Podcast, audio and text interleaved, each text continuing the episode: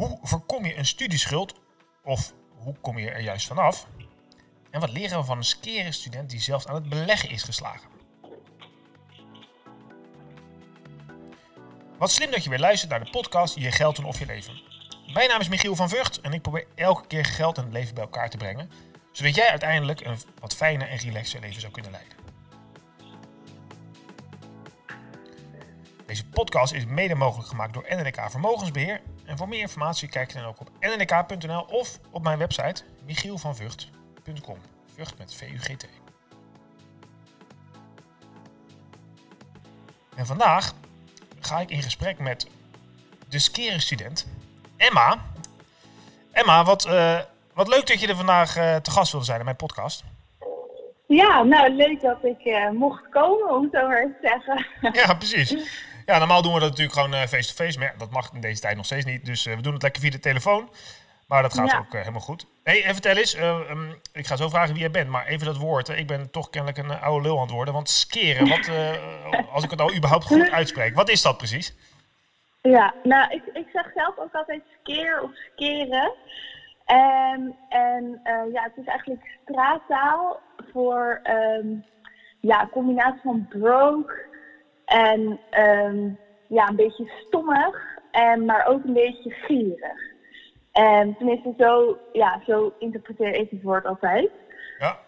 Um, en uh, ja, volgens mij komt het uit het Surinaams, maar uh, ik ben geen expert. ik vond het gewoon heel grappig klinken. Ja. Daarom, dus jij dacht, nou, ik begin een, uh, een blog, skerestudent.com. Ja. goed zeg. Nou, dan ja. je, heb je een e-book en allerlei blogs en boekreviews. En dan doe je allerlei. Uiteindelijk ben je, um, help je daar mensen met, eigenlijk studenten met name, denk ik, naar betere financiële beslissingen. Ja, Maar voordat we daar naar zo gaan hebben, vertel eens, hoe, hoe ben je er eigenlijk bij gekomen en wie ben je eigenlijk?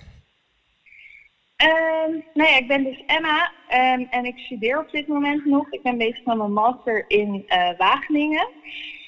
En ja, op een gegeven moment tijdens mijn master kreeg ik heel erg last van RSI. En nou ja, het werd toen zo erg dat ik uh, helemaal moest stoppen met studeren. En, en op dat moment zeg maar leende ik maximaal, want nou ja, ik had er wel een bijbaantje bij, maar dat was zeker niet genoeg om uh, van rond te kunnen komen. Ja.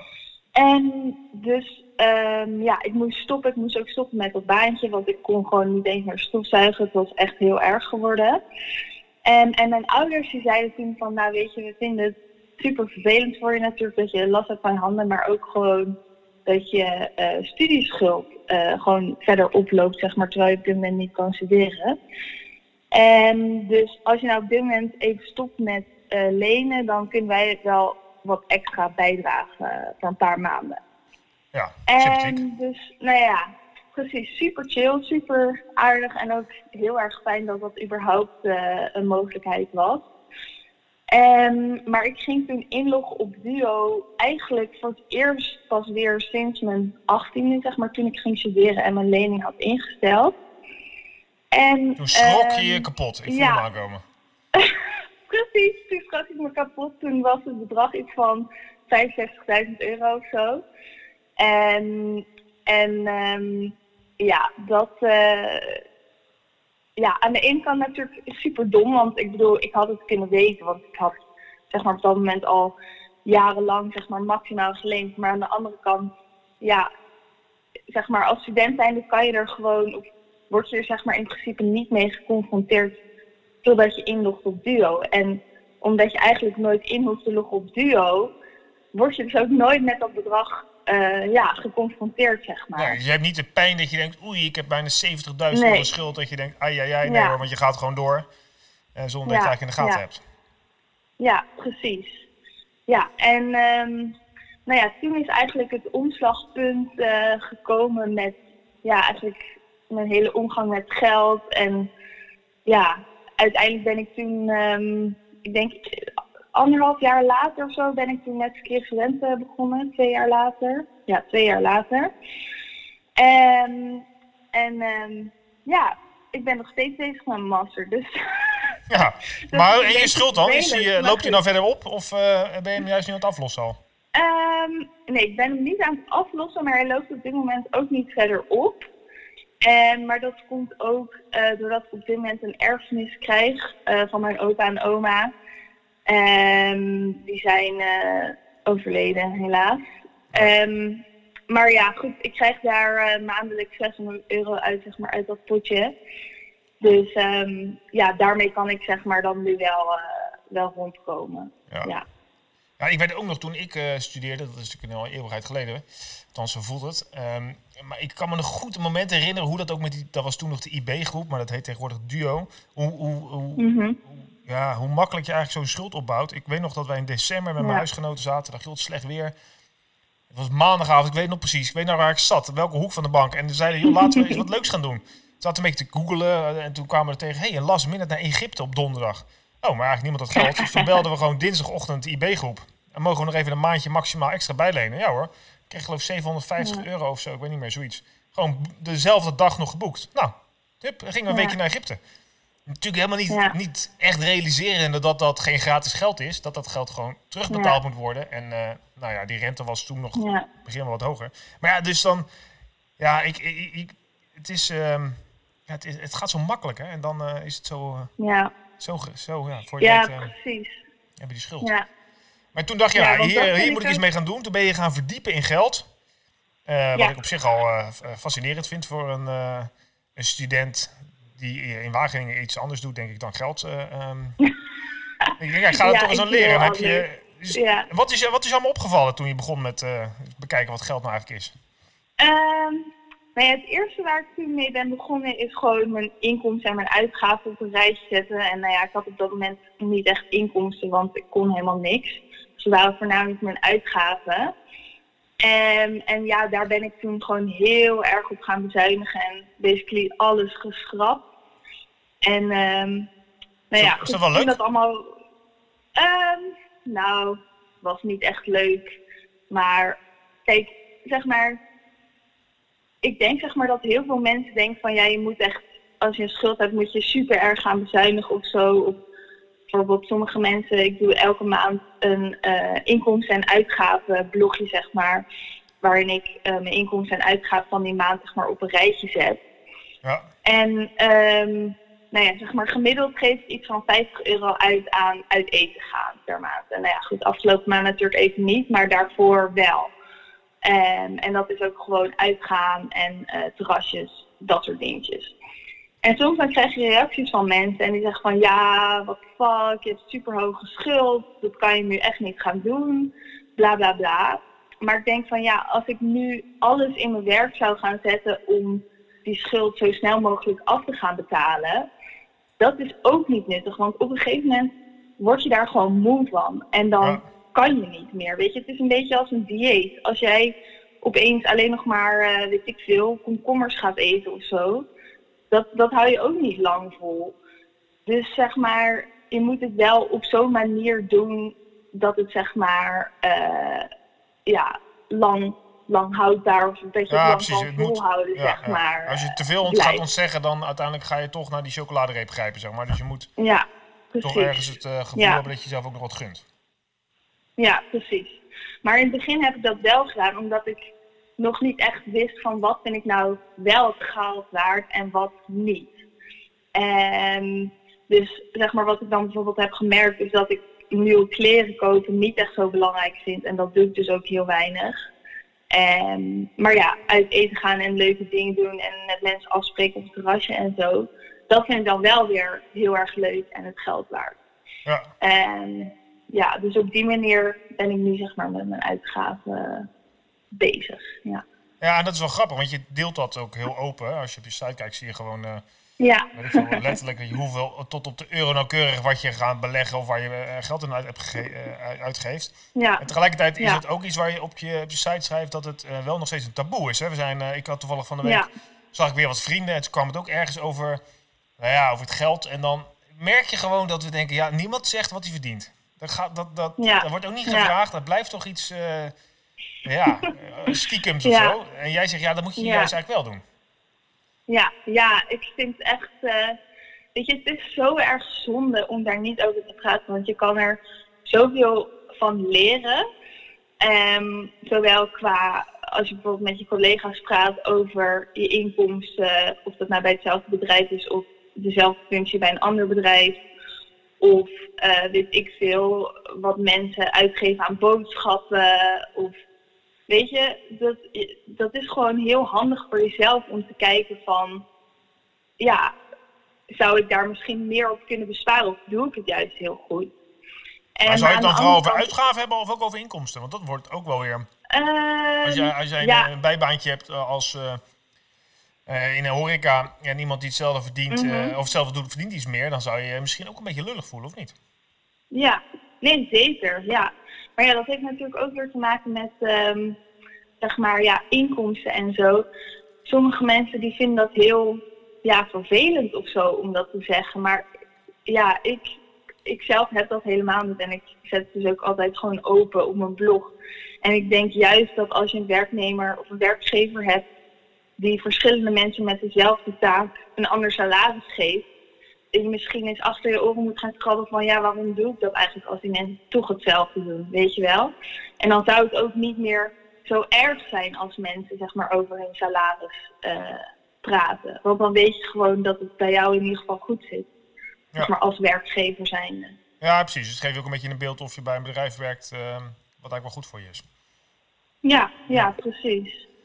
Dus je hebt eh, heel veel, uh, nou ja, je, hebt dus wat, je bent begonnen met onderzoek, je inkomsten en uitgaven als eerste. Kwam daar dan iets uit dat je denkt, oeh, dat valt me wel tegen van mezelf. Dat ik bijvoorbeeld zoveel, uh, misschien ondoordacht of ehm. onverwacht zoveel uitgeef aan iets, waar je dan uh, dat zomaar wegcijpert nou, een lek in je, in je portemonnee? Ja, ja. Um, het is natuurlijk wel echt alweer lang geleden. Um, dus die cijfers staan me ook niet meer heel erg goed bij. Um, zeg maar van wat toen mijn uitgaven waren. Maar ja, wat het vooral eigenlijk was, is dat ik gewoon heel veel kleine dingetjes gaf ik geld aan uit. En dat ik niet echt bewust omging met mijn geld. Zeg maar. En dus het was niet dat ik structureel elke maand, uh, weet ik veel, heel veel uh, ja, uit eten ging of heel veel kleren kocht of weet ik veel, heel veel geld uitgaf aan, uh, aan een hoop reis gaan of zo.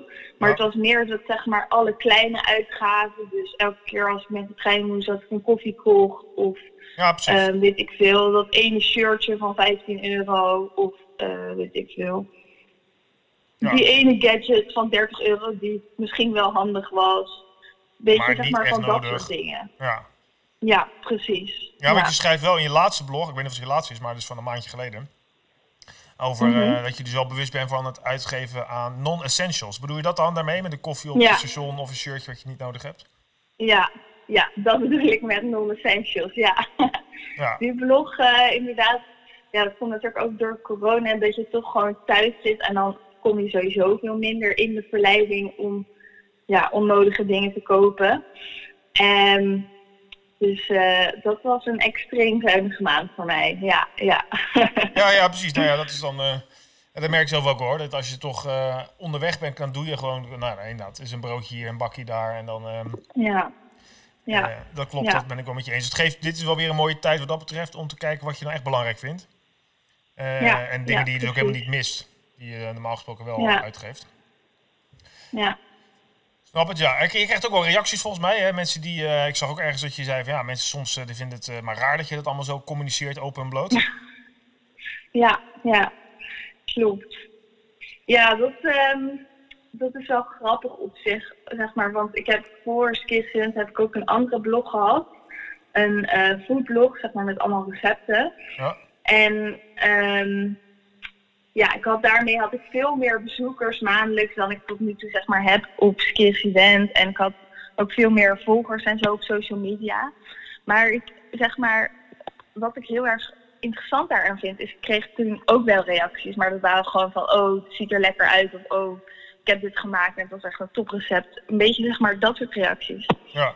Terwijl nu krijg ik hele uh, ja, interessante reacties van mensen die het er heel erg mee eens zijn of heel erg mee oneens. En mensen die allemaal vragen stellen. En zeg maar, daar merk je gewoon heel erg dat geld echt een heel erg, ja, een onderwerp is wat heel erg leeft onder studenten en ook onder gewone, gewone, gewone mensen. Studenten. ja, precies. gewone mensen. ja, dus dat is wel echt uh, wat me daar echt wel heel erg aan is opgevallen. Ja, en dat is wel leuk. En heb je ook de mensen in jouw omgeving, zijn die er uh, door ook, misschien door jouw blog en door jouw manier van doen, ook meer bewust van dat ze mogelijk een schuld opbouwen en dat, nou, dat je toch een beetje misschien moet gaan nadenken, juist al als je studeert, hoe je financiële toekomst eruit ziet? Ja, ja dat is wel echt grappig, want um, zeg maar, voordat ik mijn blog begon, wilde ik er natuurlijk gewoon over praten met vriendinnen en zo, weet je wel. Want je gaat het eerst natuurlijk in je eigen omgeving, zeg maar, zoeken. Ja. Um, en toen was het allemaal een beetje zo van, ja, ja, ik leen wel, maar, mm, zeg maar, toen wilden mensen er niet echt over praten. Terwijl nu krijg ik berichtjes van vriendinnen en die zeggen, ja, ik heb... Uh, weet ik veel, zoveel schuld en ik maak me wel een beetje zorgen over. Wat vind jij? En bijvoorbeeld ook een vriendinnetje die zei van ja, ik heb een huis gekocht samen met mijn ouders. En nou ja, goed, ik heb nu huisgenoten die zeg maar de hypotheek betalen, bla bla bla. Terwijl daarvoor durfden die mensen het niet te zeggen, weet je wel. Terwijl ik ze wel gewoon goed ken, ook persoonlijk, zeg maar. En dus ja, dat, ja, dat is wel leuk, zeg maar, dat als je zelf dus de eerste stap zet, dat mensen daarna ook opener durven te zijn. Ja, precies. Ja, ja. Dus, dus daar, daar breek je toch wel al dat taboe al wat mee. Dat is al wel uh, gewoon ja. eerlijk en ja, open te zijn. zeker. En wat ik ook wel grappig vond, is dat je... Nou ja, je ben je bewust aan de ene kant zeg je, ik heb die schuld. Um, die uh, wel met een hele lage rente vermoed ik. Heb je al 0% rente of is het nog net een klein beetje? Ja. Nul. Um, nou, ik heb volgens mij tot nu toe iets van 115 euro rente opgebouwd. Tenminste, dat staat op duo, maar ik, ik snap niet helemaal hoe dat er is gekomen. Want volgens mij heb ik tijdens mijn hele studieperiode altijd 0% rente gehad. Maar ja, 100 euro is ook niet echt heel veel of zo. Dus nee, dat ja, precies. ik weet niet. Nou ja, wat, wat, als je kijkt naar de... Um, over het algemeen, wat, uh, als je meer naar je persoonlijke financiën gaat kijken, op het moment dat je nou ja, werkt, misschien klaar bent met studeren, uh, en dan is je mhm. studieschuld misschien net weer wat anders. Maar dan wordt toch wel gezegd, nou, zorg nou dat je je schulden die ook geld kosten, hè, dus als je een hoge rentelast hebt, uh los die eerst af voordat je daarna weer gaat opbouwen. Maar jij zegt ja, en dat snap ik ook wel met je studieschuld, ik ga vast beginnen met beleggen. Ja, uh, ja. Hoe is dat nou gekomen? Want dat is ook niet iets wat, wat veel studenten volgens mij al doen. nee. Nou ja, zeg maar, toen ik zeg maar die RSI-diagnose kreeg, ik had op dat moment had ik een spaarrekening van uh, eh, 12.000 euro. En dat was deels gewoon nog geld uh, dat ik had verdiend tijdens mijn middelbare schooltijd, zeg maar, met mijn bijbaantjes toen. En deels uh, gewoon opgebouwd met geld dat dan aan het eind van de maand toevallig eens een keer zo overbleef. En dat zet ik dan op mijn spaarrekening. Dus het was niet echt bewust of zo opgespaard. Ja. En, en ik had al langer een beetje zoiets van, ja, 12.000 euro, dat is toch best veel moet ik daar misschien niet iets mee. Want ja, echt, de kans is echt 0,0001% dat ik opeens al dat geld nodig zou hebben, weet je wel, voor iets. Want ja, ik ben student. Welke verplichtingen heb ik nou, weet je wel? En dus ik was sowieso al wel langer geïnteresseerd in beleggen. En, maar toen ik die RSI-diagnose kreeg en dat gewoon heel slecht ging, dacht ik van ja, nu moet ik wel iets gaan doen met dat geld. Want ik weet niet hoe het verder gaat met die RSI. En um, ja, of ik nog wel uh, fulltime kan werken bijvoorbeeld straks. Of ja, hoe dat überhaupt ging, gaat, zeg maar, zo meteen. Ja, ja, precies. Je maakt wel een beetje zorgen eigenlijk. Ja. ja. precies. Ja, ja, ik maakte me echt heel erg zorgen. Want zeg maar, dat is ook... Ja, heel veel mensen weten niet dat je van RSI echt heel erg last van kan hebben, zeg maar. Als je daar niet op tijd, zeg maar, uh, mee op de rem stapt, zeg maar. Ja. Dus um, ja, dat is gewoon echt heel vervelend. Maar ja, ik wist op dat moment ook niet hoe lang mijn herstel zou gaan duren en wanneer ik weer een beetje zou kunnen en of ik überhaupt mijn master af zou kunnen maken, bla bla bla. Dus ik dacht van ja, ik moet nu met dat geld gaan beleggen. Ik moet daar iets van een rendement op gaan halen, want ja, ik weet gewoon niet hoe mijn toekomst er verder uitziet. En dus ja, dat was zeg maar voor mij de druppel dat ik dacht van, ja, nu moet ik echt gaan beginnen. En toen, ja, toen ben ik gewoon begonnen met uh, heel veel boeken lezen en YouTube-filmpjes kijken. En uh, ja, gewoon eigenlijk heel Google afstruinen voor informatie. En uh, ja, zo ben ik begonnen. Ja, wat leuk. Dat is goed. Nou ja, ik, ik kan me zo ook nog herinneren toen ik, ik begon ooit met beleggen, toen was ik 19 of zo. Dat was in de tijd dat het met de IT-aandelen fantastisch ging. Ik ging zonder onderzoek volle bak met mijn zuurverdiende, was het nog duizend gulden zelfs, eh, ging ik in een bedrijf wat daarna ongeveer technisch failliet ging. Dus toen was ik bijna alles kwijt wat ik in had Ah. gestort. Dus Ja. mijn eh, onderzoek Ja. was, eh, was wat dat betreft laag en zeer slecht. en ik ging eenzijdig beleggen. Ja. dus jij bent in ieder geval daar al een betere start in gemaakt. Het is overigens ook zo dat vrouwen betere beleggers zijn dan mannen. Dus dat blijkt hier misschien ook alweer uit trouwens. ja, dat zegt ze, ja. Ja. ja. Nou ja, toch, hè, wij zijn eh, toch een beetje de haantjes. Hè. We moeten toch allemaal het hoogste rendement halen, want dan zijn we stoer, denk ik. En jullie zijn misschien wat pragmatischer erin, als ik het generaliseer. Maar goed, ehm, even terug naar jou dan. Jij denkt van ja, ik ga dan toch beleggen, want ik heb misschien wel wat meer rendement nodig. Ehm, ehm, maar ja, tegelijkertijd zegt natuurlijk ook eh, elk boek waarschijnlijk, beleg is voor lange termijn. Eh, blijf zitten, aandelen zijn risicovol, pak misschien wel 10, 15, 20 jaar. Hoe eh, zie je dat Ja. voor je dan, als je nu als student bent begonnen? Kijk je al zo ver vooruit? Eh, ja, zeker. Ja, ik beleg ook absoluut voor de lange termijn. Dus ehm, zeg maar, dat wist ik toen ook al. Want nou ja, zeg maar, ik heb natuurlijk wel zo'n hoge schuld, maar gelukkig heb ik ook 35 jaar. Dus nou ja, gelukkig, ongelukkig. Is hoe je er naar kijkt. Zeg maar 35 jaar om het eh, af te betalen. Dus ehm, ja, ondanks dat het een groot bedrag is, moet het me in 35 jaar toch wel lukken, hoop ik. Ja, ja precies. Dus ehm, ja, zeg maar, dat was toen ook gewoon eh, dat ik dacht van ja, het is niet dat ik, dat ik het in vijf of in tien jaar zeg maar na mijn afstuderen moet gaan terugbetalen. Want dan had ik het misschien niet gedaan. Maar eh, Nee, precies. Je hebt ook echt nagedacht van nou, wat, wat zijn mijn eh, toekomstige verplichtingen? Wat heb ik nodig? Dus je hebt Ja, eigenlijk een, een ja. goed, vanuit een goed inzicht ben je gestart. ja, zeker. Ja. En nu, nu hebben we, als we dit opnemen, is het mei 2020. En eh, hebben we net een enorme crash op de beurs achter de rug. Eh, Zo'n beetje in begin Ja. maart, hè, door de corona-gedoe. Ehm, Mhm.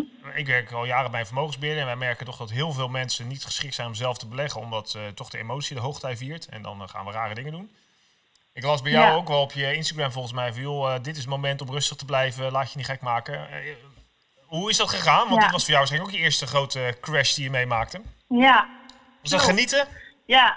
Is je er blij Eh, mee? nou ja, genieten niet. Want ik bedoel, het is natuurlijk nooit leuk als mensen hun baan verliezen en zo. Nee, dat snap. Maar op En- jou, als je naar je eigen portefeuille, want die gaat natuurlijk ook omlaag. Dat kan, dat kan niet anders. Ja, ja.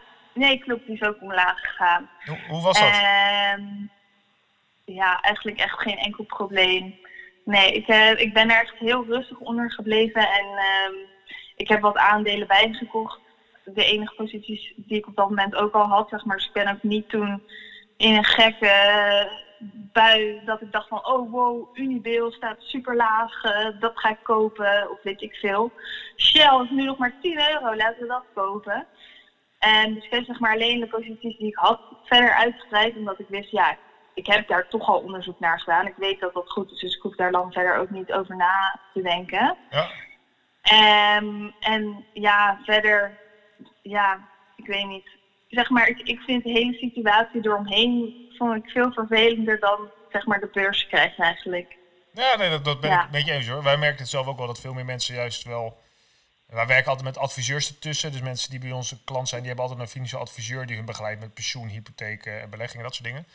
Eh, en daar kwam Mhm. ook wel veel uit terug dat mensen, ja, we snappen allemaal waarom die beurs daalt. Maar toch zijn dat wel de momenten waar je het verschil maakt, denk ik. Want je, je zult dus je verbaasd zijn hoeveel mensen toch op basis van emotie dan bijvoorbeeld gaan verkopen. Eh, Ja, Ondanks dat ze ja. bijvoorbeeld gewoon nog steeds hun inkomen hebben en ook gewoon daar vooruitzichten go- goed zijn, dat mensen toch paniekerig worden. Eh, Ja. En dat is natuurlijk de kunst, maar daar had je, daar heb je, dat heb je weten te weerstaan. Ja, nee, ik heb daar gelukkig eh, geen last van gehad. Nee, helemaal niet. Nee, dus dat is heel fijn. Ja. Dus je denkt al na over je toekomst, nou dat is ook al wel, dat is top. Ah, we zijn al bij richting het einde, we zijn al bijna 25 minuten aan het praten. Ik ben al aan het opnemen. Oh als, je jee. nou, ehm, als je nou zo is, eh, mensen die luisteren, dat zijn eh, ouders van studenten, Mhm. maar ook zeker studenten zelf. Eh, wat zou je nog zo tegen zo'n mensen die luisteren zeggen? Wil, als je nou student bent of stu- studerende kinderen hebt, wat zijn de tips die je zo graag mee zou Mhm. willen geven? Ja, begin daar eens mee Ehm, of denk daar nog Ja, dat is een goede vraag. Ehm, nou, ik denk sowieso, zeg maar, voor alle mensen die luisteren, dus of je nou student bent of studerende kinderen hebt of helemaal niks hebt met studenten. Ehm, weet je, judge niet te snel over mensen die een studieschuld hebben. Want zeg maar, de situatie is echt heel anders nu dan 10 of 15 of 20 jaar geleden, zeg maar. Ja. En ehm, studeren is veel duurder geworden. Um, maar daarnaast is de druk ook veel hoger geworden. Dus zeg maar, je kan ook gewoon bij de meeste studies niet meer 10 of 20 of 30 uur per week gaan werken. Dan, dan haal je het gewoon echt niet met je studie en met je sociale verplichtingen. En je sporten en je ouders bezoeken in het weekend. En ehm, dat soort dingen. Dus. Niet veroordelen dat mensen schuld hebben. En ik zou misschien al aan toevoegen als het mag van. Mocht je nou jonge kinderen hebben en je luistert dit, bereid je vast voor en ga misschien wel eens wat opzij zetten. Zodat je je kinderen misschien een, uh, een zetje kunt geven. Dat het wat ja, makkelijker wordt. precies. Want het ja, is toch, dat is uh, heel fijn. Ja, want het is, uh, het is nou eenmaal duurder geworden dan toen ik studeerde. Toen ja, was het een deel werd kwijtgescholden en het was een gift in plaats van een lening. Oké, okay. nou, dat lijkt me goed. Dus niet veroordelen. Goed je inkomsten en uitgaven op orde brengen als student. En denk vast nou over je toekomst. Ja. Super waardevol, Emma. Leuk dat je, dat je de gast wilde zijn. Ja, leuk dat ik ben uitgenodigd. Ja. Uh, wil je nou meer weten over Emma, haar blog? Kijk dan eens op uh, skerestudent.com. Dat schrijf je met S-K-E-R-E student.com. Vind je allemaal leuke blogs, een e-book en allerlei tips die Emma je geeft. Absoluut bekijken waard. Wil je meer weten over dit onderwerp? Kijk natuurlijk ook op mijn website Michiel van Vught met vugt.com. En wat ik misschien nog wel belangrijk vind, ik wil graag 10 miljoen mensen bereiken om, op een, om hun te helpen en hun te inspireren om slimme dingen te doen voor de toekomst van zichzelf en anderen. Dus Waardeer deze podcast met de uh, sterretjes, waar het kan. En deel hem als je het leuk vindt. Nogmaals dank voor het luisteren en tot de volgende keer.